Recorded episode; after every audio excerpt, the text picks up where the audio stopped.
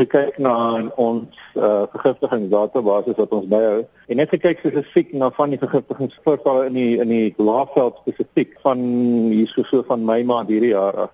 Die, die kaarte sê 'n aanduiding dat vergiftiging definitief op die oomblik volgens die gegee inligting wat ons wat ons in die hande kry besig is om toe te neem in die laafveld. Die hoeveelheid voels wat uh, doodgaan per insident is ontstellend hoog. En as 'n mens gaan kyk na die hoeveelheid aardsels wat ons in die laafveld oor het in terme van die opnames en die lugopnames en die dinge wat ons gedoen het oor die afgelope paar jaar kan ons definitief nie hierdie tipe en hierdie vlak van verlies hanteer op die lange duur nie. En daar's regtig groot redes tot kommer dat aardsels uit die laafveld uit gaan verdwyn. En as asof dit laafveld uit verdwyn is daar eh, met betrekking tot bepaalde spesies soos die swart aasvoël, die witkop aasvoël en die monnik aasvoël regtig groot kommer. En kan ons as Suid-Afrika ons totale bevolking van hierdie voëls verloor.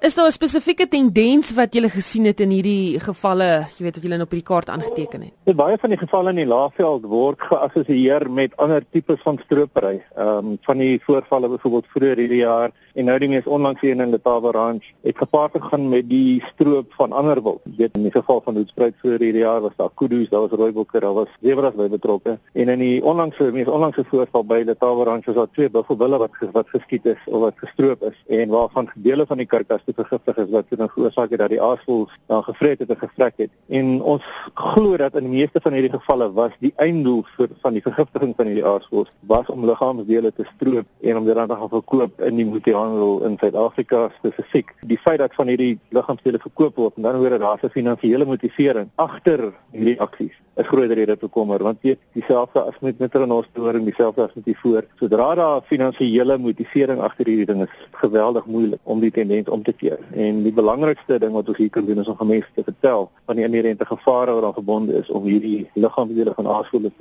aasvoëls te gebruik.